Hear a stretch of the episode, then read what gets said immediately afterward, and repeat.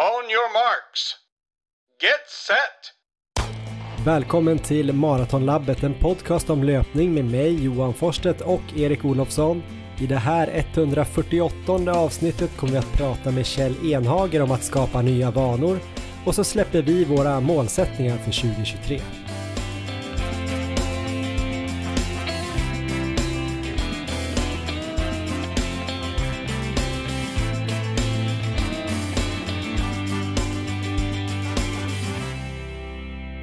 Ja men sådär ja, efter en månads jullov så är det äntligen dags för det första avsnittet av den sjätte säsongen av eh, podcasten Maratonlabbet. Den handlar om löpning, egentligen alla distanser, även om den heter Maratonlabbet. Och den här podden görs alltså av mig Johan Forseth och av dig Erik Olofsson. Hur är läget och har du någon energi för ytterligare en säsong?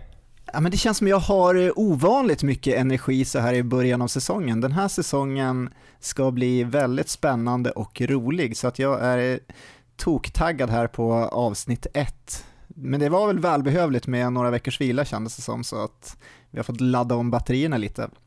Men det är bara bra här i Uppsala. Hur är läget? Vart befinner du dig? Jag är i Stockholm och har precis varit och eh, tränat. Körde sån här 45-15 på löpband. Eh, det var kul, ganska kul. Eh, nu är jag hemma, taggad för att göra den här eh, podden och vi startade den här podden Erik för fem år sedan. I början av 2018 när vi hade som mål att springa under tre timmar på maraton. Nu har ju du gjort 2.37 tror jag det är, jag har gjort 2.45 båda vill väl tro att vi skulle kunna göra maraton snabbare, men det kommer säkert. Eh, halvmaraton har du sprungit på 1.12, jag 1.16, milen 33, 34. Du har dessutom blivit svensk mästare på 24 timmars löpning och slagit svenskt rekord på den här distansen. Hur ska vi toppa det här? Ja men det ska vi lösa tycker jag bara. Vi får väl springa, springa längre och springa snabbare bara och sen så får vi fortsätta ta in bra gäster här i podden så ska vi nog klara det, hoppas i alla fall. Det känns som att det ändå har eh, blivit lite bättre säsong för säsong, så det är väl bara att hålla i det. Vi hade ju något avsnitt tror jag om ålder där, kanske säsong 1 eller säsong 2. Och då sa jag att vi skulle vara som bäst när vi var 45 år. Och där är vi inte riktigt än i ålder, så att vi har, jag tror vi har åtminstone en, eh, två år till på oss att utvecklas. Ja, vad skönt. Jag har känt mig lite gammal och stel här över julen, men eh, börjar bli lite ändring på det. Eh, det här avsnittet, Erik, det första avsnittet då, säsong 6, kommer handla om hur man skapar nya vanor och eh, kanske lite också hur man slutar med dåliga vanor eller ovanor. Eh, vi har en intervju som kommer med den mentala coachen Kjell Enhager som bland annat har jobbat med Annika Sörenstam. Vi kommer också senare i avsnittet gå ut med åtminstone några av våra målsättningar för 2023 och prata mer om hur vi ska träna för att nå de här målen. Men först måste jag ändå fråga hur du har haft det här under det här jullovet. Eh, en månad sedan vi släppte det där julavsnittet med, med våra priser eller vår gala för 2022. Hur har du haft det under jul och nyår? Ja, men jag har haft det bra. Det har varit ganska fullt upp så här i livet. Leon har varit eh, helt ledig från skolan där hela jullovet. Så att eh, möjligheterna att träna har ju inte varit lika bra som de är under normala veckor för mig. Så att jag har eh, dragit ner där lite på totalvolymen. Det var dels för att det var lite sjukdomar, han åkte på någon magsjuka och lite annat, så att jag var hemma och tog hand om honom. Jag har lyckats hålla mig frisk själv faktiskt, vilket har varit lite, lite överraskande, för att de flesta som jag känner har ju ändå åkt på någonting. Men eh, jag har kunnat träna på fast med lägre volym. Eh, sen har jag också introducerat kvalitet. Jag tror jag var inne på det i julavsnittet där, att jag var lite orolig. Jag hade lite småkänningar i hälsena och strama vader. Eh, så att eh, jag tror att hela upplägget vart ganska bra med att jag inte kunde springa lika mycket som jag hade kanske velat, utan då kunde jag få in eh, kvalitetsträning och dra ner på volymen. Så att det har ju rullat på träningsmässigt kanske nästan bättre än jag hade vågat hoppas på.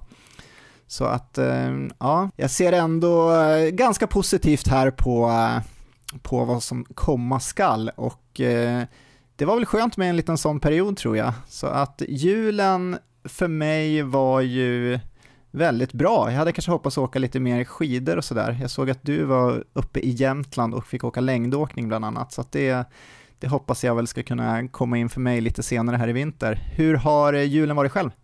Vi har haft eh, toppen verkligen. Vi hade ju lite sjukdomar innan jul. Båda barnen hade väl någon typ av influensa först och sen eh, kräksjukan. Men lite samma här. Jag missade tyvärr då kräksjukan helt och eh, sjukdomsmässigt var jag väl bara en dag som jag var dålig eller sådär. Och sen blev vi alla eh, friska inför vi skulle åka upp till Jämtland. Så det var nice. Vi kunde åka upp och vara där nästan, ja mer än två veckor i alla fall. Hade det superbra. Eh, det var liksom familj, vänner, god mat, längdskidor som du sa, utförsåkning. En lagom dos löpning tror jag. Eh, runt sex mil i veckan under de där två veckorna. Eh, höll väl ändå i en del kvalitet och hade förmånen att få springa i den här Jämtkrafthallen som ligger i min hemby Ås. De byggde ju den några år efter att jag flyttade från Ås. Men det är alltså en sån här multi-inomhushall med löparbanor som är 190, vad var det nu, 193,5 meter eller något sånt där. Så jag hade någon sån här glädjepass först. eh, när jag sprang och trodde att det var 200 meters banor på innebanan då. Mm, sprang lite för lätt, för snabbt. Men fattade väl ganska snabbt att det här måste vara någon, någon meter kortare. Men eh, jag hade några pass där när jag var helt själv i hela den där hallen så det kändes väldigt, väldigt lyxigt. Eh, men eh, baka tunnbröd också, bara en sån sak Erik. Eh, superlov var det och sen nu har jag haft två veckor i Stockholm där jag har trappat upp träningen och eh, ja, men förra veckan så var jag tillbaka här på 10 mil varav kanske 24 kilometer på ett ungefär var ungefär tröskelintensitet. Eh, körde två styrkepass och eh, det känns som jag börjar komma in på rätt spår för 2023 nu. Jag var faktiskt lite, jag sa att jag var lite stel och gammal där under julen. Alltså, jag kände nästan att jag blev sämre, alltså man tänker så här, man har tränat hårt hela året och så får man vila lite över jul och nyår men man ändå håller på och rör sig varje dag och så äter gott så tänkte jag att jag skulle bli lite utvilad och ja. känna mig superfräsch men kändes nästan som att jag blev lite så här stel och kantig av att inte träna lika mycket som jag brukar. Så det var lite, lite besvikelse. Men jag tror ändå att det var bra att ha en sån period när man inte tänkte lika mycket på löpning utan man gjorde det som man ville typ eller ja, du fattar. Det låter ändå ganska klassiskt. Det känns som att i januari där, speciellt efter december brukar väl vara lite så här off-period. Jag tror aldrig jag har känt mig bra i januari, att jag varit i bra form då. Det känns alltid som att jag är i helt usel form. Och nu ja. se, senaste vintrarna har det ändå varit så möjligheter att springa utomhus, för det har det varit nu också.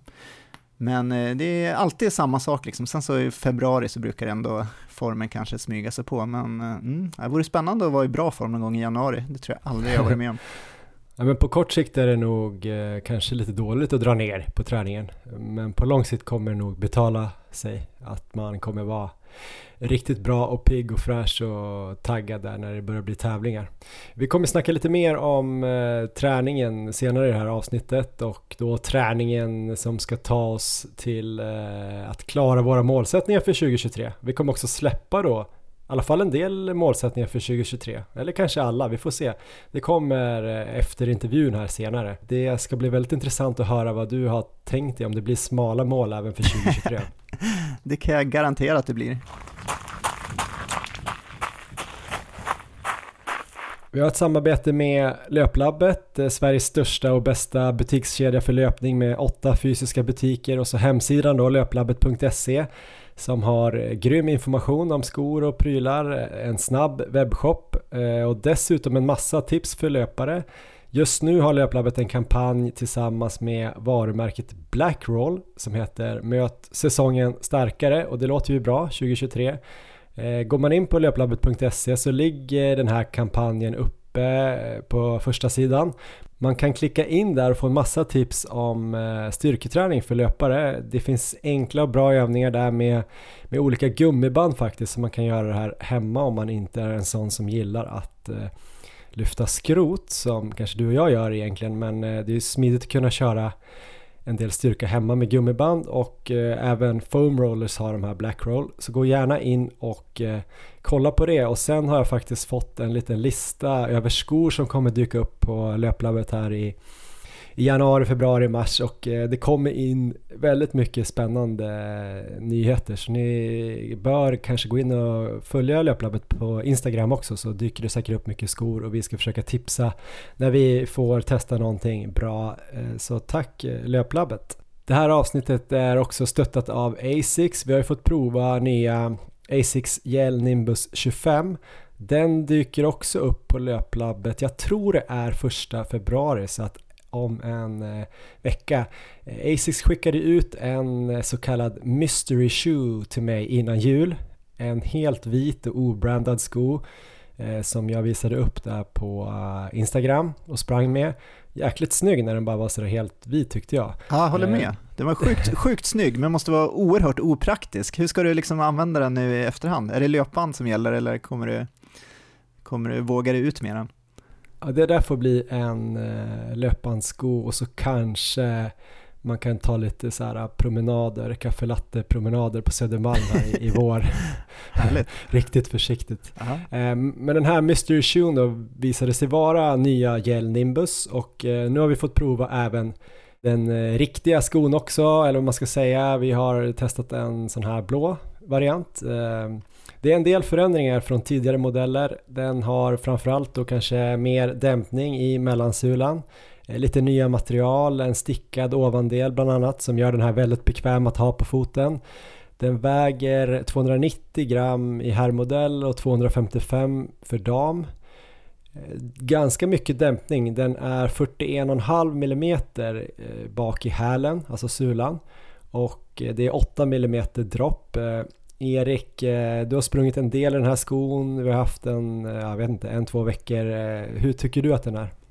Ja, men det här är ju min eh, absoluta favoritsko när det kommer till distansskor, Nimbus-modellerna senaste åren. vi har ju dels sprungit mycket i Asics Gel Nimbus Light men också det var Nimbus 24 här innan. Eh, så att det är min favoritsko, det är den jag brukar rekommendera när jag får frågor om just distansskor. Sen så är det såklart individuellt, men för mig passar den eh, oerhört bra. Så att jag har sprungit två pass i den här nya modellen och gillar den skarpt. Ehm, och det låter ju bra med att den är kanske lite ännu mer uppbyggd. Det var du som pratade om att den inte var tillåten på tävling va? För att den var... Ja men det slog mig bara nu när jag kollade exakt eh, upp hur eh, hög den var för att det skulle vara mer dämpning och ja. gränsen är väl 40 mm på väglopp eh, så att eh, man får inte tävla i den. Men jag vet inte om så många har tänkt att tävla i Gel Nimbus 2023. Eh, men Nej, utan det är ju mer en, mer en sko för träning, för distanspass och lugna långpass skulle jag säga. Men där tycker jag att den, den kommer jag definitivt välja själv, så att det kommer bli oerhört många mil framöver i den och den är väldigt skön, det kan jag också skriva under efter de här två passen. Ja men nu Erik ska vi börja rulla in ordentligt i det här avsnittet eh, som kommer handla om hur man eh, skapar nya vanor och snart kommer en intervju med den mentala coachen Kjell Enhager om det här. Och det kanske kan vara bra att få lite tips nu eh, när det har gått 23-24 dagar av det nya året och folk börjar bryta sina nyårslöften. eh, nyårslöften eh, brukar ofta vara kopplat till vanor som man ska föra in eller ta bort kanske sluta röka, börja träna. Jag vet inte om det är så många som röker nu för tiden, kanske inte så många av våra lyssnare. Men hur som helst Erik, har du någon ny vana som du vill införa 2023? Hade du några nyårsluften där på nyårsafton? Nej, det kan jag nog inte säga att jag hade, utan eh, jag hade väl redan de här eh, lufterna för mig själv klara sedan innan skulle jag säga. Ehm, och det är ju väldigt mycket saker som är kopplade till mitt nya träningsupplägg skulle jag säga. Men det, det hade jag ju redan försökt jobba in här så att eh, har väl inte haft något just för det nya året. Men eh, jag tror du har haft det Johan, så jag är lite intresserad av att höra vad är det för nya vanor du har försökt jobba in egentligen? ja, jag ska berätta alldeles strax, men först har jag faktiskt en fråga till dig. För ja. att, eh, i alla fall inom träningen så känns det inte som att du verkar ha något problem att få in nya vanor. Så om du har bestämt dig för att eh, det är bra att cykla i regnställ på gymmet fem gånger i veckan i fem veckor, ja. då bara gör du det liksom. Det verkar inte vara något så här att, ja nej, nu blev det inte dag för att jag eh, tyckte det var så härligt att cykla ute eller något. Du bara gör det. Alltså har du något, har du något tips? Ehm, ja, men det kommer, lite, det kommer mycket bra tips i intervjuerna framöver och ett som eh, jag väl håller med om där, det är just det här att, eh, att verkligen bestämma sig. För gör man det, att man bestämmer sig att eh, nu, nu är det så här bara, nu ska, nu ska jag göra så här, då, då tycker jag det kan hända liksom direkt, att man bara kan gå rakt in i det och sen så, det är inte alltid det fungerar för mig heller, men ofta om jag har verkligen tagit beslutet att jag ska göra någonting, då ja, blir det ganska lätt att bara rakt av komma in i det. Så att jag tror det att man måste ändå, man måste ju vilja det själv och man måste ju ta det där beslutet bara att man ska börja göra det. Så att mm. Eh, om vi då tar det exemplet som du gav här när jag skulle cykla i regnställ för att värmeacklimatisera mig för EM förra året så Ehm, så var det, det, det fungerade ganska självklart för att då, då såg jag ju ett syfte i det då, att jag skulle kunna prestera bättre i värmen då som jag trodde väntade i Italien.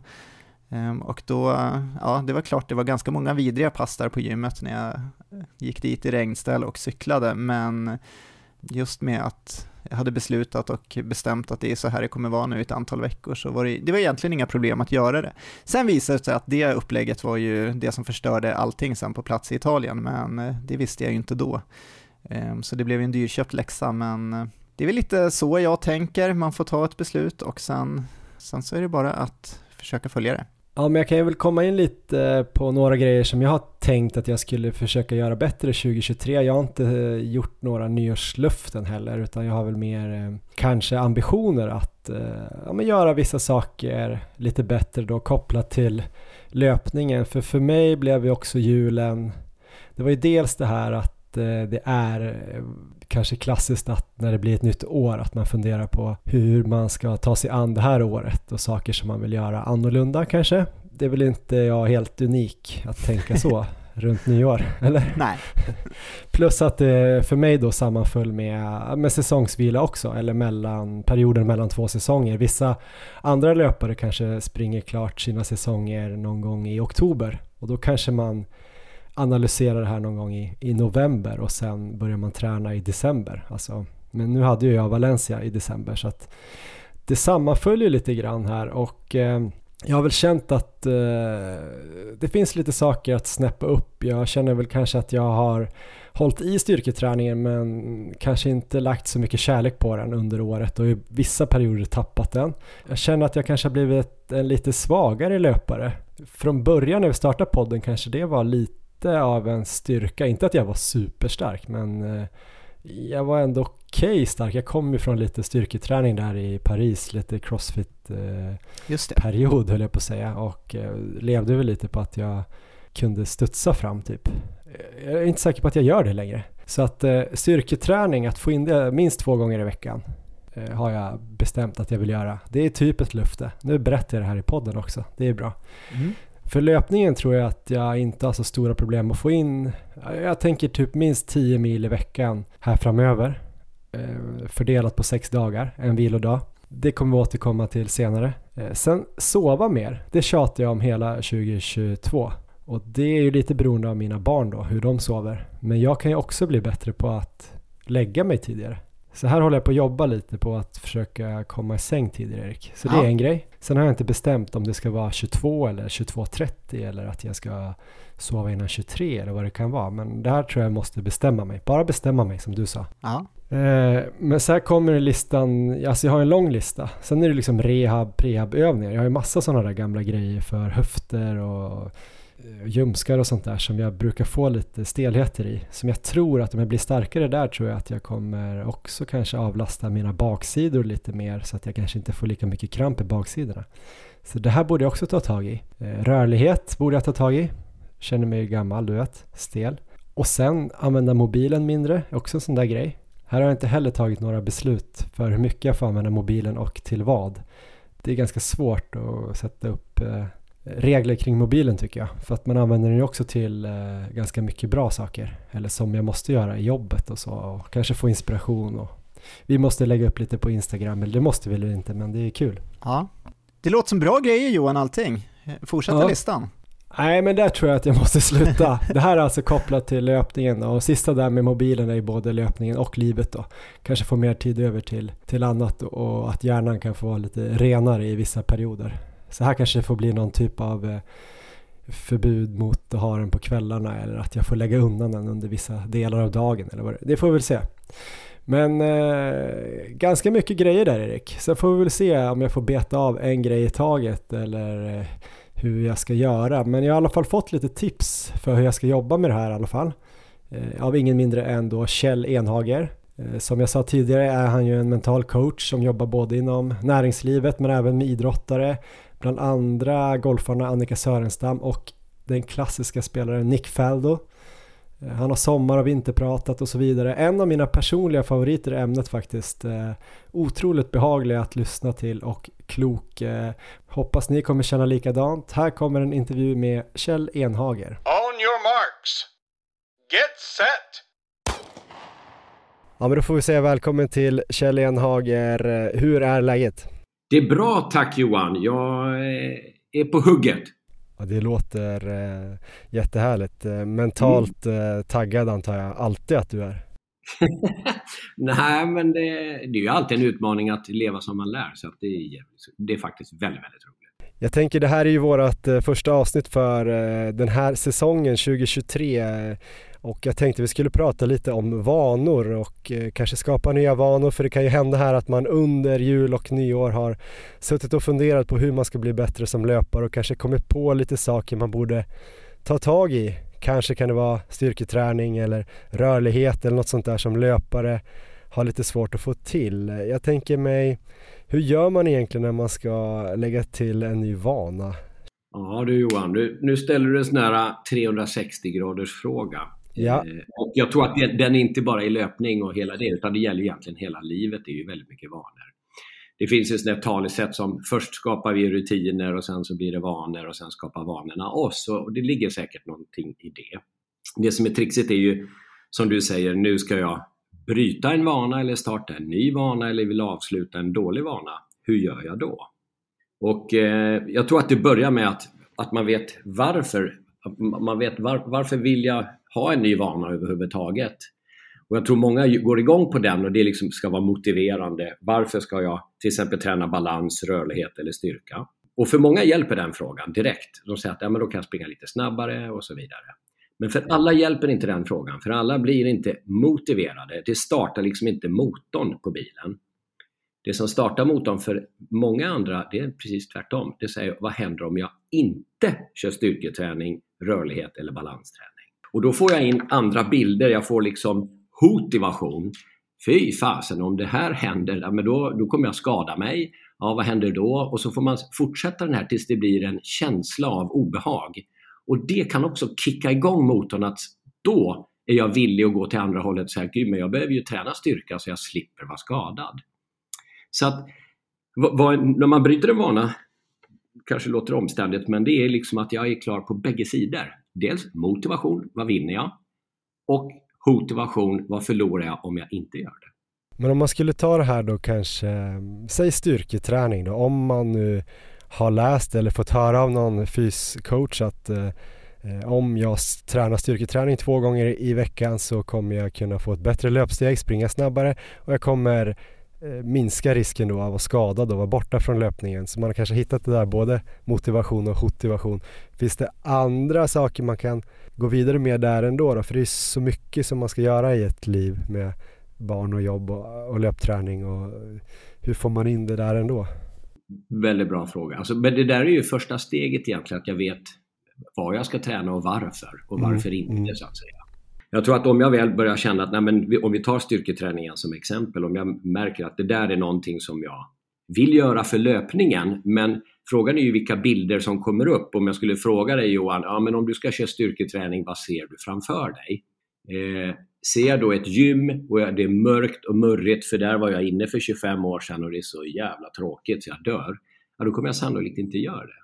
Och då är frågan, när jag ställer frågan om du ska köra styrketräning, och du ser bilden att du springer frisk, snabbare och du är stark. Då kan det till och med göra så att jag till och med går till ett gym och säger Wow, vilket av de här gymmen skulle hjälpa mig att åstadkomma det jag vill. Och där tror jag man behöver hjälp med en PT eller någon polare, någon annan som springer och säger vad har du gått? Vad har du kört för styrketräning? Vad kan jag göra? Och vad ska jag träna på specifikt? Alltså att jag får ett schema. A, B, C. Det här ska du träna för att bli stark. I bästa av alla världar så kanske man inte ens behöver gå till ett gym utan man kan göra de här hemma, de här övningarna. Ibland har man ju någon bara liten grej som man ska göra. Jag vet att du har eh, golfat mycket i ditt liv. Ja. Det kanske kan vara någon, någon liten rehabövning för eh, vi pratade lite snabbt häromdagen, eh, kan, kan vara en höft som kanske krånglar eller man kanske har något litet i axeln och så har man någon fysioterapeut som har sagt att du ska bara göra det här, det kanske tar fem minuter, du ska göra det varje dag men ändå är det eh, supersvårt att få in det där av någon konstig ja, det... anledning. Hur, eh, jag fattar man jobbar med de här grejerna då, vad, vad som händer om man inte gör det och vad som händer om man gör det. Men ändå kan det vara svårt. Kan man liksom, finns det andra tricks för att lura hjärnan och bara göra att det här känns som en naturlig del. Alltså jag har läst någon bok där man tipsen var kanske att man ska knyta en vana till en annan vana. Det är ju klassiskt det här att stå på en balansplatta medan man borstar tänderna. Ja, jag, jag köper det helt Johan. Om jag, tåhävningar. Ja, jag kan säga så här. Jag åkte Vasalopp och sånt och då hade jag för dålig balans. Och då fick jag ett tips av en sån här landslagscoach som, i längdåkning som sa så men gör så här Kjelle. Varje gång du borstar tänderna på morgonen så står du på höger ben och när du borstar tänderna på kvällen så står du på vänster ben. Och det som var skillnaden med det, då bygger han ju in en vana i en vana jag redan hade. Med andra ord, hjärnan kan se en bild. Jag kan se när jag borstar tänderna och jag kan se mig själv utifrån stå på ett ben. Och helt plötsligt blir det möjligt för mig att ändra den vanan. Eh, jag vet också varför jag gör det. För att när jag får bättre balans kommer jag åka mycket fortare i uppförsbackarna för jag behöver skifta vikten. Jag vet också vad händer om jag inte gör det, då kommer jag inte lyckas i uppförsbackarna. Och det roliga var att om, om han hade sagt så här, Kjelle, stå en minut varje dag på höger ben och så stå en minut varje dag på vänster ben. Så hade jag säkerligen sagt, ja det ska jag göra, för det låter så enkelt. Så alla kan ju för fan klara av det. Men grejen var att jag hade aldrig gjort det. För det fanns ingen, var ska jag göra det? När ska jag göra det? Vad är syftet med det? Så att vi behöver, tror jag, fler av oss i alla fall, en plats där jag bygger en vana på en tidigare redan vana som finns. Och, och jag ska gissa, rätta mig om jag har fel Johan, att även träna balans för löpare är väsentligt. Absolut. En annan sak då, belöningar eller bestraffningar, är det någonting som kan fungera på något sätt? Eh, alltså, om man tittar längst inuti, det här är ju mina tankar och jag säger inte att det är vetenskap på något sätt, men jag upplever att ändra en vana Eh, ytterst sett egentligen hur vi hanterar känslor. Vi vill åt känslor av till exempel trygghet. Ja, men då vill jag göra det jag alltid har gjort och då kommer det här svåra in att bryta en vana för då är det, jag ju inte trygg längre. Det är lite läskigt och det är lite jobbigt och det är obekvämt. Hjärnan vill gå på sparlåga. Eh, den vill samla in liksom energi som jag har förstått i alla fall. Till exempel om det kommer en tiger i busken så är det överlevnad så ska jag antingen springa därifrån eller slåss. Då när jag själv sätter igång en liten fantasitiger i busken och säger att jag ska ändra vana här, då måste jag engagera väldigt mycket av både hjärnan, hjärta och engagemang och energi. Och det är ju egentligen bara första punkten när vi pratar om det här med motivation. motivation. Sen kommer ju disciplinen att göra det om och om igen. Det är då det blir en vana. Och det är då vi pratar om till exempel stå på ett ben när man borstar tänderna. Mm. Eh, så att det som ytterst sett är, det är hur vi styr känslor. Kan jag väldigt snabbt koppla att styrketräning är fantastiskt för mig, då tror jag man får en kick och fortsätter väldigt länge. För känslan är positiv. Det jobbiga är när jag inte får en positiv känsla till något, så för det första drar jag mig väldigt länge. Och för det andra, när jag väl får det så, så kommer jag ha svårt att vända om känslan. Så att jag tror inte det har med att bara vara logisk och säga jag fattar att jag kommer springa fortare med styrketräning. Jag måste också bygga in en känsla där jag känner att det är bra för mig att köra styrketräning. En annan grej då, om man hur tänker du att man skulle börja att eh, skapa en ny vana? Om du tänker den där balans, ursäkta, exemplet där, eh, en minut eh, eller när du borstar tänderna varje dag. Ja. Är det liksom bra att smyga in en vana eller är det gå liksom all in och verkligen satsa någon vecka eller två på att göra det liksom varje dag? Du ställer väldigt bra frågor Johan och jag tror att det svåra för mig att svara på det, det är att jag har erfarenhet av personer som behöver gå all in för att det ska hända något. Och jag har också personer som säger jag vill smyga in det. Jag tror var och en får ställa frågan, när har jag tidigare lyckats bryta en vana? Hur gjorde jag då? Gjorde jag det all in eller gjorde jag det, smög jag in det? Om man, om man bara ger en bild på hur det, hur det här mentala kan fungera så tycker jag om att likna det här medvetna som många forskare tror är bara några procent, typ 5 procent. Det här när vi bestämmer oss, nu ska jag köra styrketräning. Rent medvetet fattar jag, läst en artikel, jag förstår att det kommer hjälpa min löpning. Men det omedvetna tror man då, det här, alltså alla minnen, känslor, allt vad vi har varit med om, är kanske 95 procent. Gamla vanor, där jag har byggt upp rutiner, vanor etc. Om jag liknar den medvetna, den där som säger nu ska jag köra styrketräning med en liten myra, för den är bara 5% och säger jag ska gå till höger. Medan det omedvetna elef- eh, liknar med en elefant, det är ju 95% går till vänster. Så när myran i början säger så här, fan vad det går bra med styrketräning, jag blir starkare, jag får mer energi, jädrar vad bra det här, så har jag en kick i början. Mm. Men om man zoomar ut från myran och elefanten och myran är på elefantens rygg och går till höger, så känner man ju i början, shit det här går framåt, jag känner jag går stegen, det funkar. Men tittar man utifrån så går ju hela ekipaget faktiskt till vänster, för elefanten är på väg dit. Och det är därför så många startar en vana, håller på några veckor och sen säger de, äh, jag orkar inte. Det faller ihop. Och det är för att hela skiten går åt fel håll. Och det är där vi bra behöver förstå verkligen ett, varför jag gör det och varför jag inte ska ändra en vana av styrketräning. Och hur jag programmerar om elefanten så den också säger, ja, jag behöver styrketräning, det är bra för mig. Och det var där egentligen jag började då med mental träning för många år sedan. Och meditation och så vidare. Och nu pratar vi 45 år sedan. I hur programmerar man om en elefant, alltså det omedvetna, gamla minnen och stoppar in nya plus. Där jag säger styrketräning, det, det är grejen. Så både elefanten och myran går till höger som jag vill. Det är väl egentligen grunden på det där om jag bonkar in lite mental träning på de där bitarna.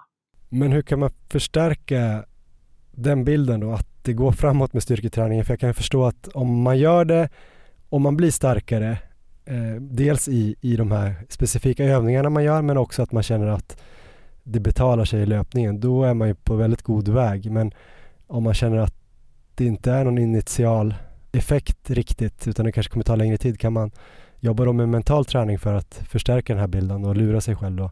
Ja, och jag tror att det är lite grann som du säger, att det både förstärka bilden och lura sig själv. Eh, för det man gör då, det är egentligen är, om jag skulle avdramatisera mental träning, så jag vilja kalla det dagdrömmeri. Alltså när man i sin egen fantasi ser sig själv, hör sig själv och känner sig själv lyckas med det man gör. Till exempel jag kan se mig själv springa ett lopp under en viss tid. Jag kanske springer Stockholm Marathon eller vad det nu är och jag vill under fyra timmar för första gången eller under tre eller vad jag nu är och kämpar. Och det jag gör är att jag börjar bygga in fantasibilder. Där jag både kan se mig utifrån, som man kallar för dissocierad, se mig själv som på TV, eller jag ser mig genom mina egna ögon. Jag springer verkligen i fantasin och känner hur det känns att springa den tiden jag behöver ha. Bägge de där två skapar en känsla och den känslan sätts som minne i elefanten om jag får kalla det så. Då. Och ju mer jag gör det om och om och om, och om igen så kommer det till slut uppfattas i hjärnan som det här är sant.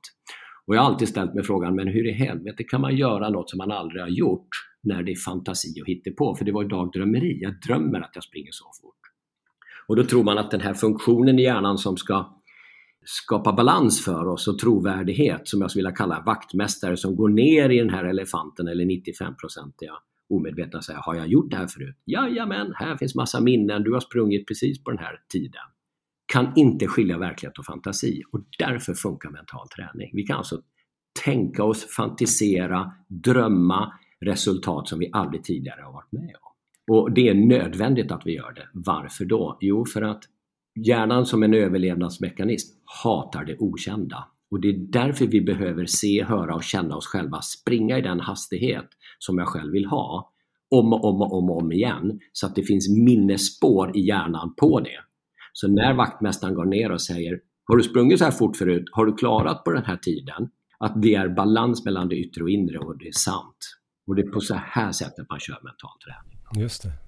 Jag ber om ursäkt om jag kör massa släng med myror, elefanter och vaktmästare och grejer. Men, men jag hoppas att det går fram även om jag inte visuellt kan visa det. Då.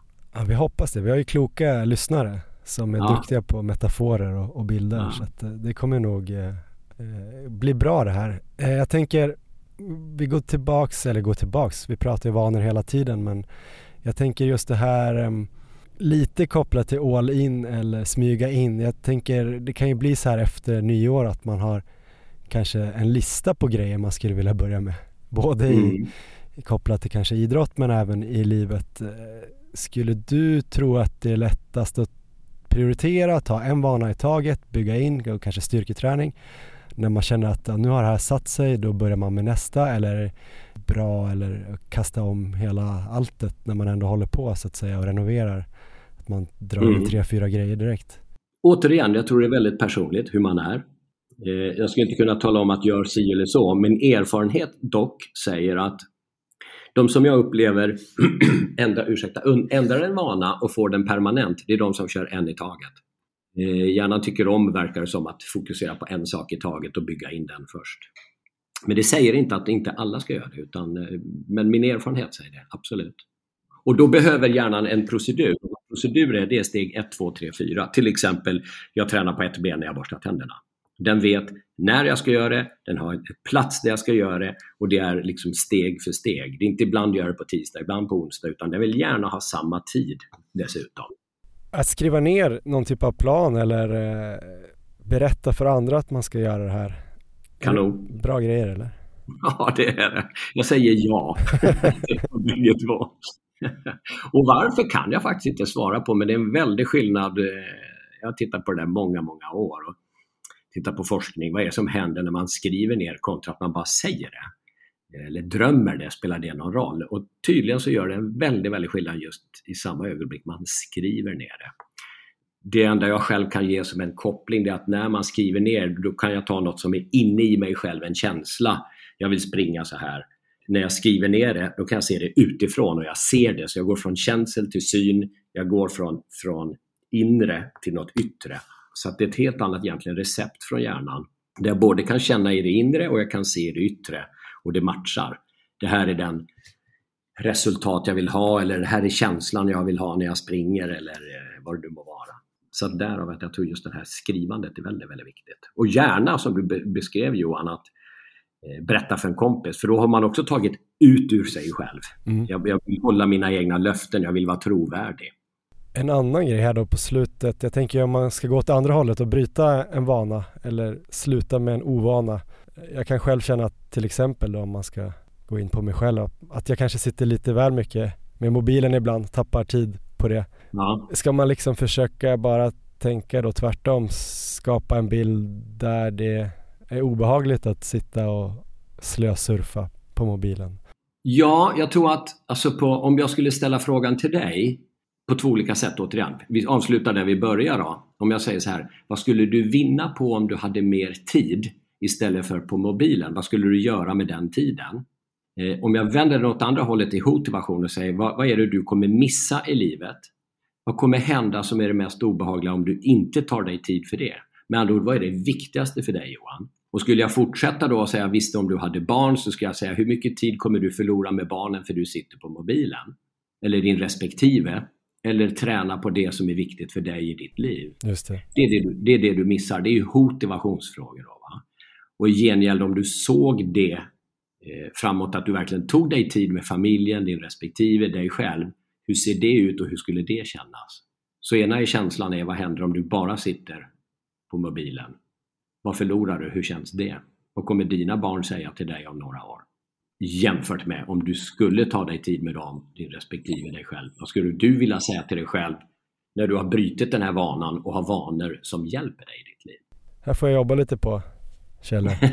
ja, och det som är viktigt där Johan, det är att se tydliga bilder på bägge eh, motivation och motivation och sen känn känslan och sen tar du ett beslut och sen säger du okej, okay, Var och när, hur ska jag träna vanan, vem hjälper mig?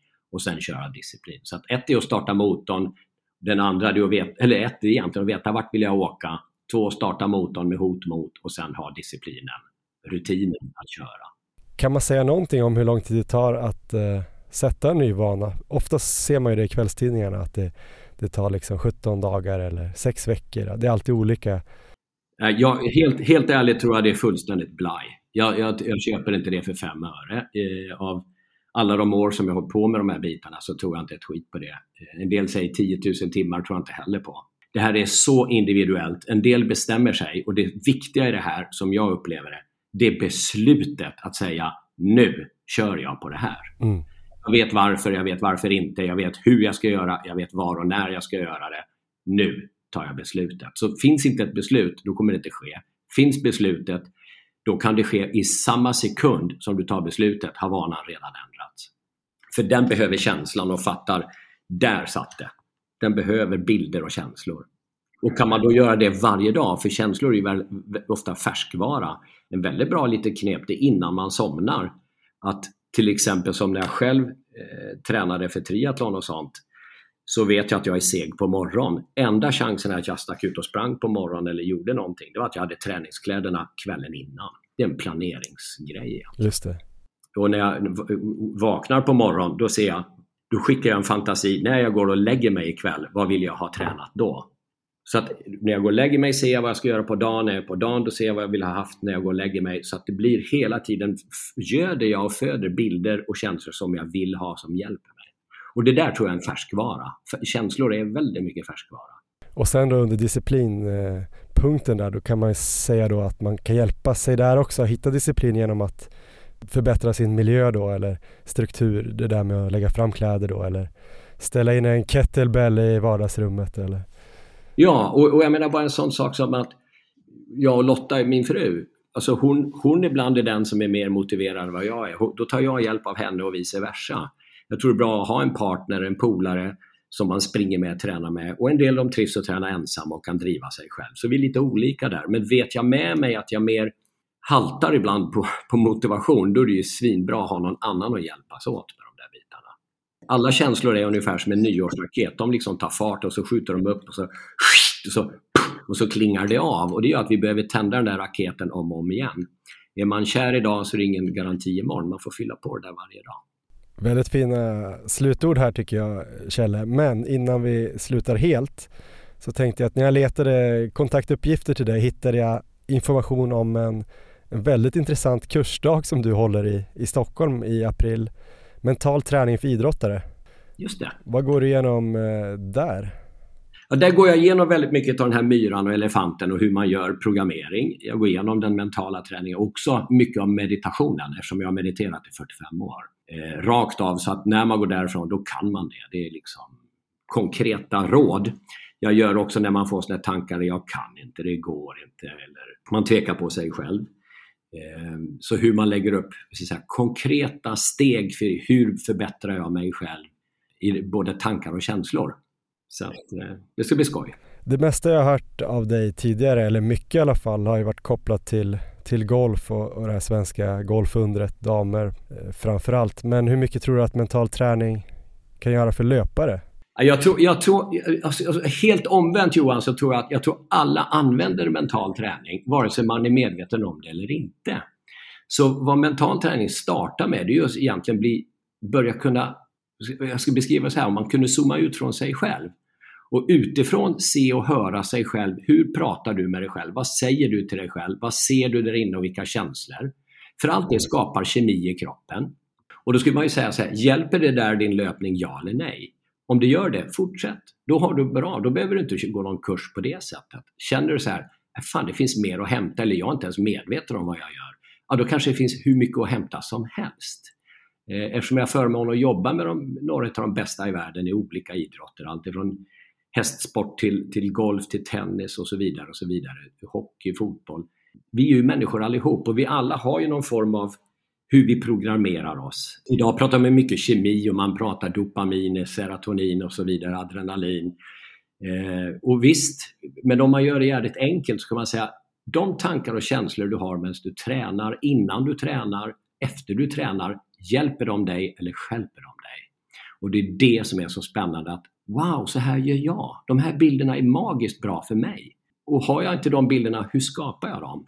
Så det är därför också jag jobbar med coachande ledarskap, i hur, om man vill jobba med att hjälpa andra det här. Det är det jag tycker är jättekul. Att, att kunna hjälpa sig själv, sin familj, sina polare på det här enkla. Gör det så enkelt som möjligt. Så den här dagen då kanske är bra både om man är löpare eller människa helt enkelt eller också då löpcoach eller liknande? Precis, absolutamente. Toppen Kjell, då får du ha en eh, härlig dag och en trevlig period i, i Portugal här framöver innan du kommer hem och föreläser lite. Tusen tack, jag ska ut och träna lite löpning. Det gillar vi. Tack. tack. Ja, men då får vi tacka Kjell Enhager för att han tog sig tid att prata med Maratonlabbet och så kan vi tipsa då om den här eh, Eh, kursen då i mental träning, den här endagskursen den 17 april är det på Långholmen i Stockholm mellan 9 och 17. Gå in och kolla på enhager.com om ni blev lite sugna på den där. Det kostar en summa men eh, det kan vara värt det. När du lyssnade på intervjun Erik, fick du någonting, du berättade lite där innan om saker som du använder dig av. Eh, var det någonting mer som du kommer ta vidare här i ditt liv? Ja, men mycket bra tips och jag känner att det är mycket vi kommer kunna koppla till dina nya vanor här Johan. Så att eh, jag tror eh, vi får försöka jobba in dem här nu. Och jag tror en bra grej han var inne på är just att knyta an nya vanor med gamla vanor. Och då tänker jag att vi kan börja lite med eh, styrketräningen. Jag vet inte om du har liksom haft problem att få in det för, jag vet ju att du tycker det är kul, men eh, jag kan tänka mig att kanske problemet är att just ta sig iväg till gymmet, för åtminstone för många. Att det liksom blir, det är så enkelt att springa, man gillar att springa och eh, det är som en eh, rutin man har. Men att just ta sig iväg för ett gympass känns, eh, ja, känns jobbigt, kanske lite ovant och eh, ja, tidskrävande. Så att jag förespråkar ju att man ska kombinera löppass på gymmet med efterföljande styrketräning. Så att då blir det lite som att knyta an en ny vana då i styrketräningen med en gammal vana löpning. Så att jag tror det kan vara ett bra sätt att få in styrka som en rutin och att få in de här ja, en till två passen på gymmet i veckan just om man kör löpning där på löpan på gymmet, då är man ju sen redan uppvärmd, man är ombytt och man är på plats för styrketräningen, så att det blir väldigt tidseffektivt också. De så här motargumenten som jag brukar höra när det kommer till att springa på gymmet är just att eh, löpande är oerhört tråkigt och jag vill göra all min löpning utomhus och det kan man ju förstå, för att det är klart det är härligare att vara ute och springa än det är på ett löpband. Men man kan ju också försöka lägga då kanske några kvalitetspass på löpband där man varierar farterna lite och får det lite roligare upplägget. Det är ju betydligt roligare att köra så än att eh, köra ett lugnt distanspass bara i en timme eller någonting på bandet. Så det skulle jag rekommendera att eh, prova på i alla fall. Och annars kan man alltid tänka sig, vad händer om jag inte kör styrka? Det är ni också inne på där i intervjun. Och det kan ju vara ganska många negativa saker som kommer av det. Det kan ju gå ut över kontinuiteten och möjligheten att springa överhuvudtaget sen på lång sikt. Så där är vi en sak, styrketräningen. Men där har inte du några problem va Johan, utan där, där är du motiverad ändå. Ja, men där tror jag att jag kommer fixa det faktiskt. Eh, lite där som du var inne på. Jag har, tror jag har både motivation och motivation. Alltså jag se mig själv som lite trasig och svag om jag inte kommer få in styrkan. Och eh, om jag får in styrkan så ser jag mig själv som att jag är en ganska stark löpare och kommer ja, men dels hålla ihop men också få ett bättre steg tror jag. Så att, eh, plus att jag tycker det är ganska kul egentligen, själva aktiviteten. Sen har jag väl funderat på att förändra då liksom strukturen och miljön runt omkring mitt eh, gymmande. Jag har ett sånt här kvartersgym bara 50 meter bort. Ett STC är nu, hette Puls och träning förut där. Så jag har funderingar på att börja träna där. Då har jag liksom en minut till gymmet och kan liksom slänga in det ganska smidigt egentligen när som helst tänker jag. Alltså till och med efter en läggning eller något på kvällen. Nu är det lite längre att ta mig till gymmet. Och sen kommer jag väl ibland koppla det till ett löppass. Det har jag väl gjort tidigare också. Där tycker jag inte alltid att man behöver koppla det till ett löpanspass. Man kan ju faktiskt springa en sväng till gymmet. Då blir det ju väldigt tidseffektivt att man kanske får en distans då, kanske uppdelad på två. Absolut. Och så kör man gym i mitten, beroende på när man gillar att lägga styrketräningen. Sen gillar jag också att lägga den sådär eh, på hårda dagar, att jag kör ett kvalitetspass och eh, så kör jag styrka samma dag, för då har man en hård dag så kan man bara fokusera på återhämtning dagen efter. Eh, men det beror lite på hur hårt man kör passet. Det finns väl vissa som säger att ja, styrkepasset då eventuellt skulle kunna bli lite, lite sämre då om man var väldigt trött efter löppasset innan. Så jag kommer försöka separera det. Så då spricker den grejen lite grann. Men eh, jag har som sagt eh, planerat upp det här väldigt bra. Det funkar för mig också, planera min vecka och skriva upp det. Så det här kommer gå bra Erik. Jag tror de andra vanorna som jag måste också hitta sådana här känslor kopplade och börja visualisera hur det här kommer vara och kännas om jag blir en sån person som går och lägger mig och sover lite tidigare eller gör mina rehabövningar eller gör min rörlighet så att min höft kommer fungera superbra och eh, jag kommer få ett sånt himla stort och långt och fint eh, steg som är superenergieffektivt. ja, visualisera, det tycker jag alla ska börja göra på passen. Det är något som jag, som jag ofta hamnar i kanske inte att jag springer och tänker så mycket på det, men det blir, det bara sker automatiskt. Det har gjort det de senaste åren också, att man drömmer sig bort i loppsituationer och sådär. Jag har inte tänkt kanske så mycket på vad det kan vara bra för specifikt och sådär, men det fick vi höra om här i intervjun och det tyckte jag var väldigt spännande att höra om den här vaktmästaren som han beskriver, den här funktionen som ska ge balans och trovärdighet man fattar ju det när man pratar om den här nödvändigheten att hjärnan hatar det okända, men om man då redan har upplevt situationer flera gånger om och visualiserat det på träning, när man då plötsligt sen under lopp befinner sig i de situationerna så kommer inte den här liksom kanske chocken att oj, nu är jag där och det här är ju något okänt och eh, fruktansvärt jobbigt, det här kommer jag aldrig klara av, utan då har man redan upplevt det där flera gånger och man har liksom lurat hjärnan att eh, det här fixar jag, det här kommer gå bra. Och jag har flera exempel på när det har funkat väldigt bra. Ehm, ett var ju där när jag sprang SM i halvmaraton 2020 tror jag det var.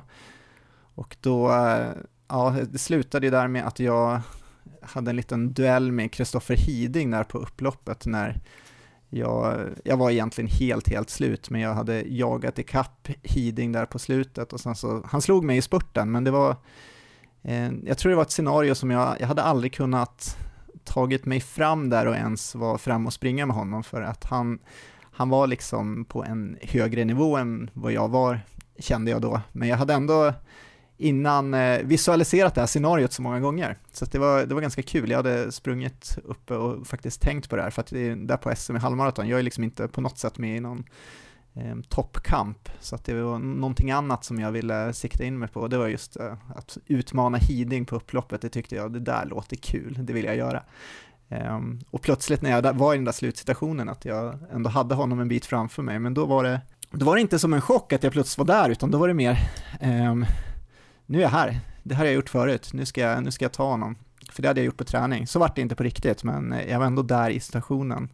Det var väldigt kul och det var lite samma också på SM i 24 timmars i fjol där. Sista timmen när jag skulle jaga det svenska rekordet där och var tvungen att öka oerhört mycket i fart. Det var egentligen en helt ny situation som borde vara väldigt skrämmande och eh, egentligen kännas omöjlig där, att eh, öka farten så mycket i slutet av ett sånt lopp. Men det var ett scenario jag hade visualiserat väldigt mycket, kanske inte exakt som det blev, men jag hade ändå tänkt till den där sista timmen och olika scenarier och drömt mig bort och fantiserat på långpassen. Så att eh, det kändes ganska tryggt även där, att det här har jag liksom koll på, det här har jag gjort förut. Eh, det var inte den där chocken att jag plötsligt var där och vad kommer hända nu? Så att jag tror eh, oavsett vad man har för mål, om det är ett maraton eller 10 km lopp, att när man är ute på träning så väldigt bra grej att springa och visualisera, fundera och drömma sig bort och eh, gärna ganska så här häftiga och roliga scenarion där man springer otroligt bra. det gör ju dels också passen mycket lättare. Det, det känner man själv att när man kan drömma sig bort sådär så bara kilometrarna rinner ju iväg och att man sen då kan ha nytta av det på loppet sen bara för att man har lurat hjärnan är ju fantastiskt. Så det, det tycker jag vi ska göra Johan. Vi ska visualisera väldigt mycket när vi är ute och springer. Ja men det ska vi göra Erik. Jag ska jobba på det. Jag kan nog bli bättre på att uh, visualisera och jag kanske, kanske 2023 blir året när jag gör en sån här vision board. Jag har snackat om det. Jag tror jag gjorde en första året eller andra året. Nu ska jag göra en kanske. Uh, jag tänkte innan vi går vidare och snackar lite träning så tänkte jag bara tipsa om en bok också om man vill uh, jobba med att ändra sina vanor. Atomic Habits av James Clear. Jag tror den heter enprocentsmetoden på svenska. Och det är just eh, för att om man eh, ändrar små, små saker så kan det bli stora förändringar. Och eh, man kanske kan börja, om man säger att man inte gillar styrketräning, men man kanske börjar göra en övning en gång i veckan. Man kör bara typ knäböj säger vi. Så kan det ändå ge på sikt väldigt stora skillnader. Just att man kanske efter ett tag börjar göra en till övning eller man kanske blir lite starkare, man får ett bättre steg och ja, man bygger, bygger sakta framåt. Och eh, den här boken handlar ju dels då teoretiskt om vad en vana är och eh, visar på det här mönstret som finns i alla vanor. Att man kanske först får en eh, en cue, alltså man får någon information, mm, det kan vara en lukt eller något, man går förbi ett bageri säger vi, eh, så får man att det luktar väldigt god bulle där. Det väcker då en, eh, en craving, att man då vill ha en bulle. Och sen får man en respons, att man, man gör någonting på den här informationen som man fått. Då kanske man går in och eh, köper den där bullen. Och sen får man en reward, att man äter bullen och det var jätte, jättegott. För att bryta den här vanan då, då måste man ju kanske bryta det här mönstret någonstans. Just det. Då kanske man får se till att man inte går förbi det här bageriet. Om man nu tycker att det är dåligt att äta mycket bullar. Det behöver absolut inte vara dåligt. Vi tycker att det är ganska bra. Men eh, eh ja, då ska man kanske inte utsätta sig för den här eh, första lukten helt enkelt. Så, så kan man kolla på nästan alla vanor man har. Och sen är det också väldigt mycket praktiska tips om hur man kan gå tillväga för att förenkla för att eh, skapa nya vanor. Typ det här med habit stacking, att man bygger en vana på en annan vana eller man kanske ändrar miljön hemma, man kanske ställer fram kettlebellsen om eh, man får eh, för sin respektive. Så att man alltid ser den när man går förbi. Då kanske man gör 20 svingar bara av farten för att man ser den där. Om den står långt inne i en skrubb så kommer man kanske inte göra det. Man kanske lägger fram frukt på diskbänken för att då kommer man äta mer frukt. Mycket sådana där bra praktiska knep. Bra tips Johan, då ska jag försöka få in som vana att eh, börja lyssna på den här boken på långpass om den finns som ljudbok. Det ska jag kolla upp. Ja, kolla det. Atomic Habits. Ja, men nu Erik ska vi blicka lite framåt här mot 2023 och det ska bli väldigt spännande att höra vad du har tänkt eh, dig åstadkomma inom löpningen och eh, lite också hur du ska ta dig dit. Har du några mål? Jag vet ju att du ska springa under 2.30 Barcelona maraton i mitten av mars. Jag glömmer alltid bort exakta datumet. 19 Men har du någonting eh, mer? Ja, det har jag Johan. Och jag tänkte, jag tänkte börja det här segmentet som jag, som jag brukar varje år och det är att hålla ett eh, försvarstal innan jag släpper målen. Så eh, våra trogna lyssnare som har varit med oss några år har ju garanterat hört det här förut, men vi kanske har några nya lyssnare också. Och vi har ju under de senaste åren jobbat med smala mål som vi sa här i början och då har vi alltså gjort om den klassiska modellen där man sätter ett smart mål, alltså specifikt, mätbart, accepterat, realistiskt och tidsbestämt. Och vi har då ersatt realistiskt med lockande och därmed fått ett smalt mål istället för ett smart mål. Så mer eh, motiverande men inte nödvändigtvis så realistiskt. Och de här målen har ju inte alltid infriats, kanske inte speciellt ofta alls, men de brukar ändå få oss, eh, åtminstone mig, att göra allt som går för att åtminstone komma ganska nära. Så eh, det var det årliga försvarstalet. Så ska jag dra igång årets mål då Johan? Ja men gör det. Um, ja, men vi börjar då med Barcelona Marathon den 19 mars. Det är ju ingen hemlighet att jag siktar på sub 2.30 där, det har jag ju Det har ju varit mitt mål i några år när jag har sprungit maraton. Senaste riktiga försöket var väl där 2020 tror jag. Eh, då var jag i väldigt bra form på hösten och hade det som mål. Det var under pandemin så det var ju i Uppsala som jag skulle försöka springa det. Eh, det loppet blåste väl bort lite kan jag känna samtidigt som jag kanske inte riktigt var i så pass bra slag att jag skulle klarat det. Jag låg ju rätt halvvägs där. Jag hade ju, vi hade ju Viktor Smångs där och en bra klunga. Eh, Smångs som drog oss där. Men den gången höll det inte, men jag hoppas nu att om jag kan träna på bra hela vägen fram till Barcelona, att jag kanske ska ha en chans den här gången.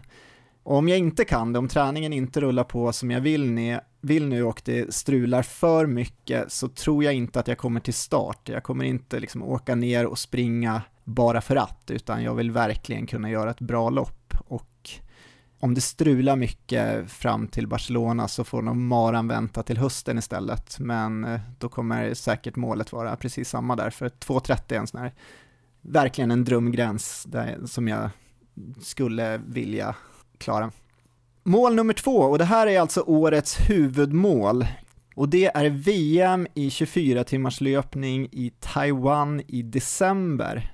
Och målsättningen där, jag har lite så här ångest, det är nästan så att jag hade typ velat hemlig, hemlighålla de här målen, men det är inte riktigt så vi jobbar här.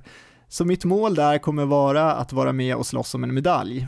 Och det kan jag säga är ett extremt smalt mål, men ändå det målet som kommer hålla mig motiverad och springa och träna på så mycket som jag eh, vill och behöver göra då för att vara så förberedd det går i december. Och då kan man ju undra vad som krävs för att ta medalj på VM och det är såklart helt omöjligt att veta men på EM i fjol så krävdes det cirka 29 mil. Mm. Så en rimlig gissning är väl att det kommer krävas mer än 30 mil för medalj på VM. Och då finns det ju inte så mycket annat att göra än att börja sikta emot 30 mil på 24 timmars. Och jag sprang ju 26,6 mil när jag vann SM förra året, så det är nästan 3,5 mil till. Och det är tre personer någonsin som har tagit sig över 30 mil i världen. Så utan tvekan kan jag nog säga att det här blir den tuffaste målsättningen jag någonsin har satt upp. Men inte bara tuff, den är också lockande, så att det, ja, det kommer jag ha som mål. Jag tänkte bara om man ska utveckla det här med smala mål. Ja. Finns det någonting att man måste ändå ha något kvar av det här ärret, att det ska vara realistiskt? Jag säger inte att det inte är realistiskt för dig, men, men om jag skulle sätta 30 mil ja. i VM i Taiwan, mm. då, om jag nu tycker att det är lockande, men det mm. finns ju absolut ingen grund ja. i att jag skulle klara det. Mm. Kan jag ha det ändå, eller?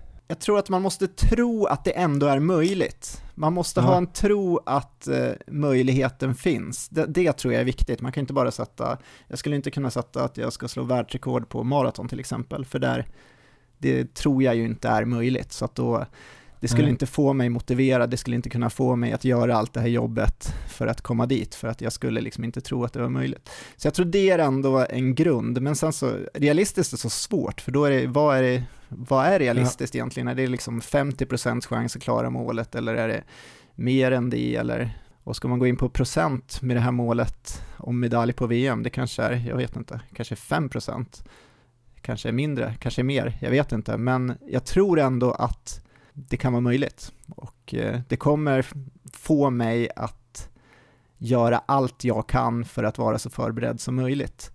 Så eh, jag tror, jag tror man ska tänka lite så när man sätter de här extremt tuffa målen, att man måste ändå liksom tro att chansen finns. Eh, men det behöver inte vara realistiskt, det behöver liksom inte vara en, en mer än 50% chans till exempel för att man ska klara det. Lite så. Men tror du att det är möjligt Johan, så kan du också ha det här målet. Det tycker jag. Ja. Mm, mm, mm. Jag kan nog hålla den där farten som du ska hålla ett tag i alla fall. Ja, det är väl någonstans 4.45 eh, tror jag. Ehm, det, det är ju en tuff fart och jag kommer ju springa ett 24 timmars lopp till under året och det är SM i Växjö den 30 april, så det är sex veckor efter Barcelona Marathon. Och det loppet kommer jag då se som en möjlighet att testa den här farten som måste hållas i Taiwan, alltså 4.45. Så i Växjö blir det ett kamikaze-upplägg där det helt enkelt får hålla så länge det går. Men jag känner att jag måste ju testa det här upplägget och farten och se vad som händer efter 6, 12, 18 timmar. Ehm, hur länge det går. Så att jag tror att det blir ett spännande lopp på SM, men inte nödvändigtvis så taktiskt. Och eh, slutresultatet där kan bli lite vad som helst, men jag tror att jag kan ha en ganska intressant race report efter i podden i alla fall. Och det är ju alltid det viktigaste. Det är det, och det är ju faktiskt något som eh, som eh, är en väldigt stor fördel med att ha en löppodd. Det har jag känt när jag har väggat hårt på olika lopp och maraton och så här. Man kan alltid tänka att det här är bra poddmaterial. Så där har ju vi en liten sån här fördel mot de som inte har podd. Så det kan jag rekommendera också, starta en löppodd um, så att det är väl det är mina så här huvudmål. Sen har jag lite övriga lopp som jag skulle vilja springa under året och eh, dels då beror det på hur det går i Barcelona på maran där om jag inte kommer till start eller om jag misslyckas helt där så blir det troligtvis en höstmara och då finns det ju lite olika alternativ där. Ett ganska roligt alternativ som dök upp, eh, det var ju faktiskt Tallinn Marathon. Har du hört något om det under det här året Johan? Varför det kan vara intressant? Nej, jag har faktiskt inte hört det, tror jag. Det är ju så att våran gemensamma kompis Jörgen plus ett gäng andra kompisar från Östersund ska dit och springa halvmaraton och maraton i september. Han nämnde att han skulle springa något sånt där lopp när jag var hemma nu i Östersund, träffade Aha. honom. Men eh, han har så dålig koll på saker så han visste inte liksom vilket datum det var eller vart de skulle åka. så att eh, jag vet om det ja. nu, vart det är också. Jag visste att han skulle springa med det där gänget. Ja men det blir kul. Så det kan ju vara en rolig, rolig resa om inte annat och eh, jag kollade in den. Det kan bli en lugn bankett. Ja, det, maran är ju på söndagen där och halvmaran är på lördagen så att jag jag gissar att uh, det blir lite tufft. Du inte kommer dela boende med dem då kanske? Nej, precis. Um, så uh, jag får väl se, men uh, det kan bli den, det kan bli no någon annan mara också. Andra lopp som jag är sugen på är ju Ultravasan 90 i augusti.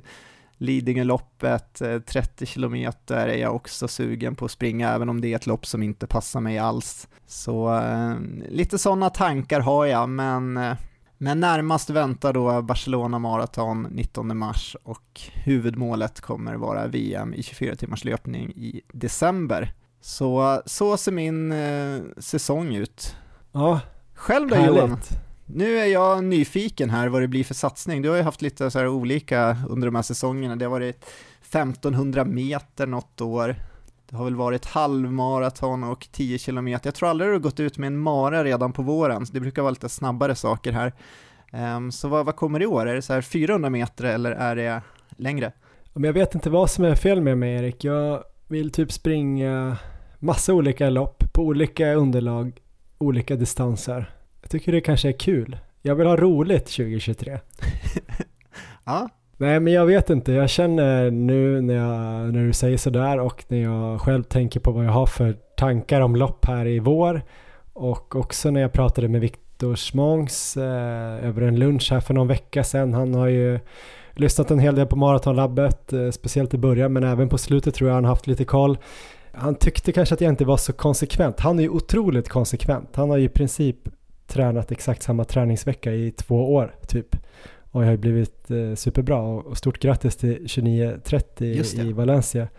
Fantastisk kontinuitet och eh, pannben att bara köra typ samma pass. Jag eh, tyckte han då kanske har lite så här att jag blir jättetaggad på någonting, kört två månader ganska hårt eh, specifikt mot det och sen bara släpper jag det. Typ om det ska vara 10 kilometer eller någonting så hoppar jag bara på och springer ja, nu ska jag springa Salomon 27K, så börjar jag springa i backar och trail och sen släpper jag det och så är det Lidingö och sen är det jag har alltid tyckt att det är, allt bygger mig till en bättre löpare men han har ju lite rätt i att jag kanske borde koncentrera mig på någon distans om jag ska bli riktigt bra på det. Samtidigt så tycker jag ju att tjusningen med löpningen är ju att kunna få springa lite olika typer av lopp.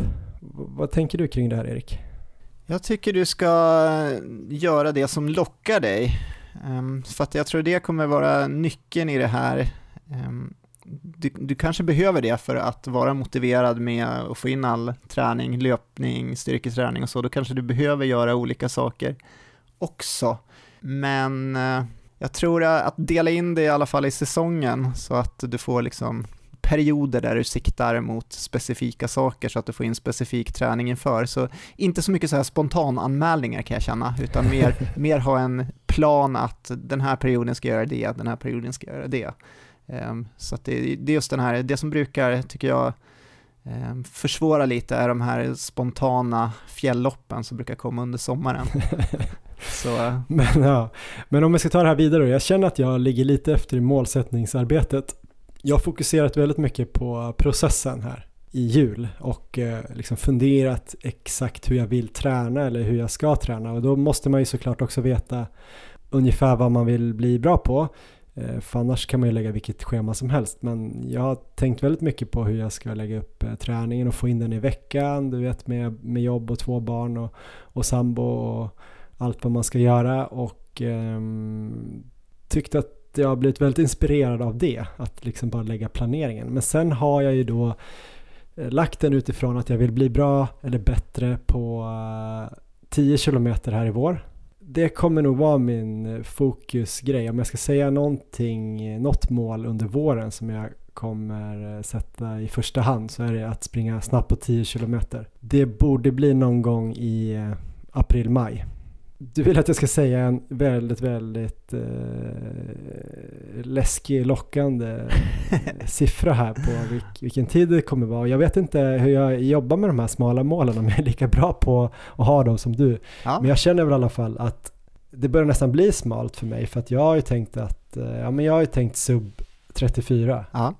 Och jag var ganska övertygad om att jag skulle göra det innan den här säsongen egentligen, när jag satte det som mål första gången. Men nu gjorde jag ju 34-31 tror jag i höstas på den här Täljemilen och hade väl bara gått fram 10-11 sekunder på ett år där på den distansen. Så nu börjar nästan sub 34 kännas som ett smalt mål. Jag skulle säga att det är ett smart mål. Sub 34 vill jag göra ja, i vår. Det är ett väldigt bra mål. Sen har jag ju då, om man tänker 2023 i stort så kanske mitt absolut största mål kommer vara att springa under två timmar på Lidingöloppet. Just det. Det känns ju väldigt lockande. Det tror jag är det som är mest likt eh, dina lockande mål. Alltså att jag verkligen känner att det hade varit otroligt skönt att göra det. Jag skulle bli jätteglad. Alltså det känns ändå som en, en milstolpe för mig. Sen vill jag ju springa en halvmara under en 15 också i år. Så får vi se om det blir i vår eller om det blir i höst. Och där tror jag typ att jag skulle kanske ta mig, kunna ta mig lite snabbare fram också. Men där har jag inte satt någon, jag tycker en 15 kanske räcker. Kan det räcka att sätta det eller? Ja men det tycker jag. Du har nu ett pers på eh, strax över en 16 va? 16-10 tror jag. Ja, och det var ju på, i och för sig på Göteborgsvarvet som eh, mm. är lite kuperad, men eh, det tycker jag är bra mål också. Ehm, jag funderar på när, och då känns det som att nästan att kombinera det, få in det kanske efter den här 10 km perioden, det känns ju som att då borde du ha, kanske vara mer förberedd för det än vad du kommer vara under den här inför Lidingöloppsperioden. Så att eh, kan ju börja spana på lopp där kanske efter 10 km perioden om det är möjligt. Ja, men det kommer antingen tror jag också bli samband med det här 10 km satsningen, alltså april-maj någon gång, att man får mm. in det där, för jag tror att eh, de två loppen, 10 och halvmaraton, kommer liksom gå och gå att träna till eh, samtidigt så att säga. Ja. Eh, sen andra alternativet är att försöka få in det tror jag efter Lidingöloppet. Alltså kanske en månad efter Lidingö eller någonting, slutet av oktober. Det tror jag kommer ligga bra, att man kanske har en ganska bra styrka och grund och efter att ha ändå tränat mot Lidingöloppet som ju ändå kommer ta mig två timmar så man kommer ha uthållighet och man kommer vara stark efter man springer mycket i backar och sen kan man göra lite specifika saker där i oktober. Så där tror jag kommer kunna ligga ganska bra också. Eh, så då har vi alltså sub 34 på 10 km, sub 1.15 på halvmaraton, under två timmar på Lidingö. Sen får vi väl se, du sa det där med Mara och jag vet inte när och om jag ska satsa på en Mara. Jag är sugen på att springa Stockholm Marathon. Just det. Men där kommer jag nog inte sätta något tidsmål i sådana fall. Om jag kommer till start så tror jag att jag kommer tycka att det känns lockande att komma topp 100 ja. på Stockholm Marathon. Så då måste jag ändå springa jättebra. Men eh, jag tycker den är svår att sätta en, ett tidsmål. Men kan jag liksom springa det i paritet med det jag gjorde i Valencia eller någonstans mellan 2.45 och 2.50 om jag kommer till start där då. Vi får väl se. Då kanske man kan komma topp 100 tror jag. Och det är ganska bra då för det är någon minut långsammare bana än Valencia. Men utan kramp kanske det kan gå och då måste jag lösa den biten såklart. Det borde ju vara mitt stora mål om jag ska testa eh, eller springa långa lopp. Att bli av med krampen. Men det får bli en annan, ett annat avsnitt. Ja, men det är mm, spännande målsättningar. Jag ska bara ta det här med krampen lite snabbt då. Vad kommer du sikta på för volym framöver nu? Jag har ju länge haft önskemål om att få upp dig på 12 mil i veckan. Finns det några sådana möjligheter här under våren? Det är inte helt omöjligt att det kan bli några sådana veckor. Eh, sen om jag kommer kunna ligga 12 mil i veckan eh, vecka efter vecka är jag inte helt säker på. Men jag har börjat här nu och eh, skissat på ett upplägg som kommer ge mig ja, men runt 10-11, kanske upp mot 11 mil bra veckor i alla fall. Ja. Och sen får vi väl se, jag tänker ta ett steg i taget och så smyger man in någon kilometer här och där och något pass här och där när man känner att det här första har börjat sätta sig både mentalt och eh, tidsmässigt och eh, kroppsmässigt då. Att man känner att man håller för det. För jag vill också kunna köra det här lite mer intensiva som jag har in, lagt in nu. Och någon dubbeltröskel på onsdagar har jag kört nu och eh, backe på fredagar och sådär. Så att jag måste nog eh, bygga lite steg för steg. Men eh, jag är inte omöjlig. Ja, det låter bra. Ja, vi ska börja runda av lite grann. Jag vill tipsa om eh, att vi finns på Instagram. Där heter vi Maratonlabbet. Du heter erik.olo. Jag heter Johan Forsstedt också på Instagram. Eh, följ oss gärna där. Strava har vi ju också konton Johan Forsstedt och Erik Olofsson. Eh, vad kommer dyka upp på Strava på Instagram framöver Erik? Vad kommer du ägna dig åt de här närmaste två veckorna innan nästa avsnitt?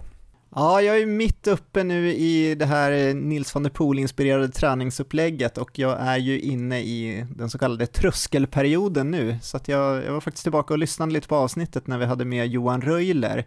Och då diskuterade du och jag där hur jag skulle lägga upp just den här delen av planeringen med eh, tröskelperioden. Och jag märkte att jag har gått på många av eh, de tipsen du gav där, så att jag kommer köra kombinerade tröskelpass med eh, löpning och cykel varannan dag, så det har jag gjort än så länge. Och en annan sak som du sa där var att du tyckte jag skulle köra två kilometers intervaller som referenspass på löptrösklarna. Så att eh, det kommer vara ganska många sådana pass i stil med 5 gånger 2 km med löpning och så vidare. Så att jag är inne på vecka 3 nu då med, i tröskelperioden och eh, vecka 1 gick eh, väldigt bra. Fick ju in eh, 22 mil löpning totalt och fem tröskelpass. Eh, förra veckan hade jag tyvärr lite större problem där, det gick bra i tre dagar, men sen så fick jag en känning som gjorde att jag fick alternativträna under resten av perioden. Så att det var bara cykel och gym där de sista dagarna. Men eh, jag var ute och testade där på morgonen nu och eh, då funkade det alldeles utmärkt att springa igen, så att jag har i alla fall förhoppningar här om att jag är tillbaka i liksom full träning redan nu. Men det känns som att jag ligger väldigt mycket på gränsen av vad kroppen klarar, så att eh, vi får väl se hur det ser ut där om två veckor. Jag hoppas då att eh, planeringen har rullat på precis som den ska, men det känns, eh, känns lite osäkert. Så att, eh, ja, vi får väl se hur det blir med Barcelona Marathon. Just nu så, så ser det lovande ut, men eh, det känns, som att, eh, det känns som att det kan hända mycket från avsnitt till avsnitt. Så vi får se. Men hur känns eh, de här farterna på löpningen då som du lägger trösklarna i? Det har ju varit, eh, det jag har sett har varit kanske lite, lite långsammare än 3.33 som, som du måste hålla i Barcelona.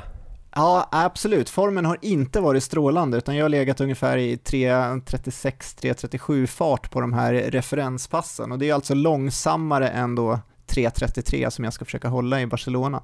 Så det låter ju inte alls speciellt lovande, men jag tänker ändå att det känns ganska logiskt nu med tanke på att jag tränar extremt lite fart sista året. Eh, så jag har väl ändå förhoppningar om att kunna se förbättringar i kommande veckor och det, någonstans får jag bara li, lita på den här processen nu med att all den här tröskelträningen eh, ändå kommer få farterna att eh, kännas mer bekväma så att eh, jag, jag ser ändå, jag ser inte helt mörkt på det ändå, men eh, absolut, kollar man på mina pass nu på Strava så ser det ju inte ut som att det liksom ska gå att eh, springa på det sättet i Barcelona. Men jag har väl lite så här S i rockärmen jag tänker att jag ska kunna dra fram här kommande veckor så hoppas jag att, att det, det ska kunna bli bättre från avsnitt till avsnitt. Vi får se. Men hur kommer du lägga upp det? Kommer du göra den här tröskelperioden hela vägen fram eller kommer du eh, också köra lite mer klassisk maratonträning? Alltså att du kommer kanske köra lite längre marafartspass och längre långpass och eh, ja, men kanske vila lite mer sista veckorna eller hur ser det ut? Jag har åtta veckor kvar nu och det kommer vara fem veckor nu som kommer vara eh, rena tröskelveckor. Sen så kommer jag lägga in ett eh, rejält långpass. Det kommer vara lite så Canova-inspirerat, så det är väl hans, eh, vad är det, 95% av marafart i fyra mil.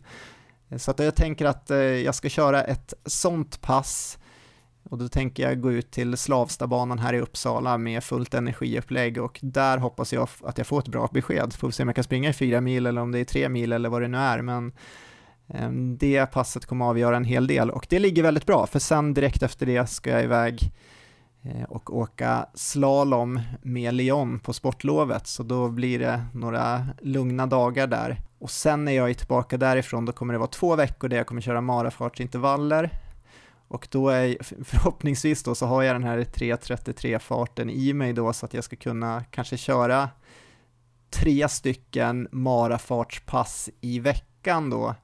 Och då tänker jag att jag ska inte lägga dem så här stenhårda så att det är så här 4 gånger 5 km eller något sånt där utan jag hoppas mer kanske kunna få in 3 gånger 5 km ungefär um, under två veckor. Så att där verkligen nöta in längre intervaller i tävlingsfart och sen eh, avsluta med en eh, formtoppningsvecka och sen start i Barcelona.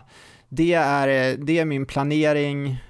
Oerhört mycket kan hända och kan gå fel i det här för att det här är ju liksom ett helt annorlunda upplägg än vad jag någonsin har testat innan och det är eh, tuffare, det är liksom mindre återhämtning mellan kvalitetspassen, men tanken är ju liksom att få testa om den här aeroba perioden som jag haft innan med all lågintensiv träning kan göra att återhämtningen blir bättre nu under tröskelperioden och den specifika perioden.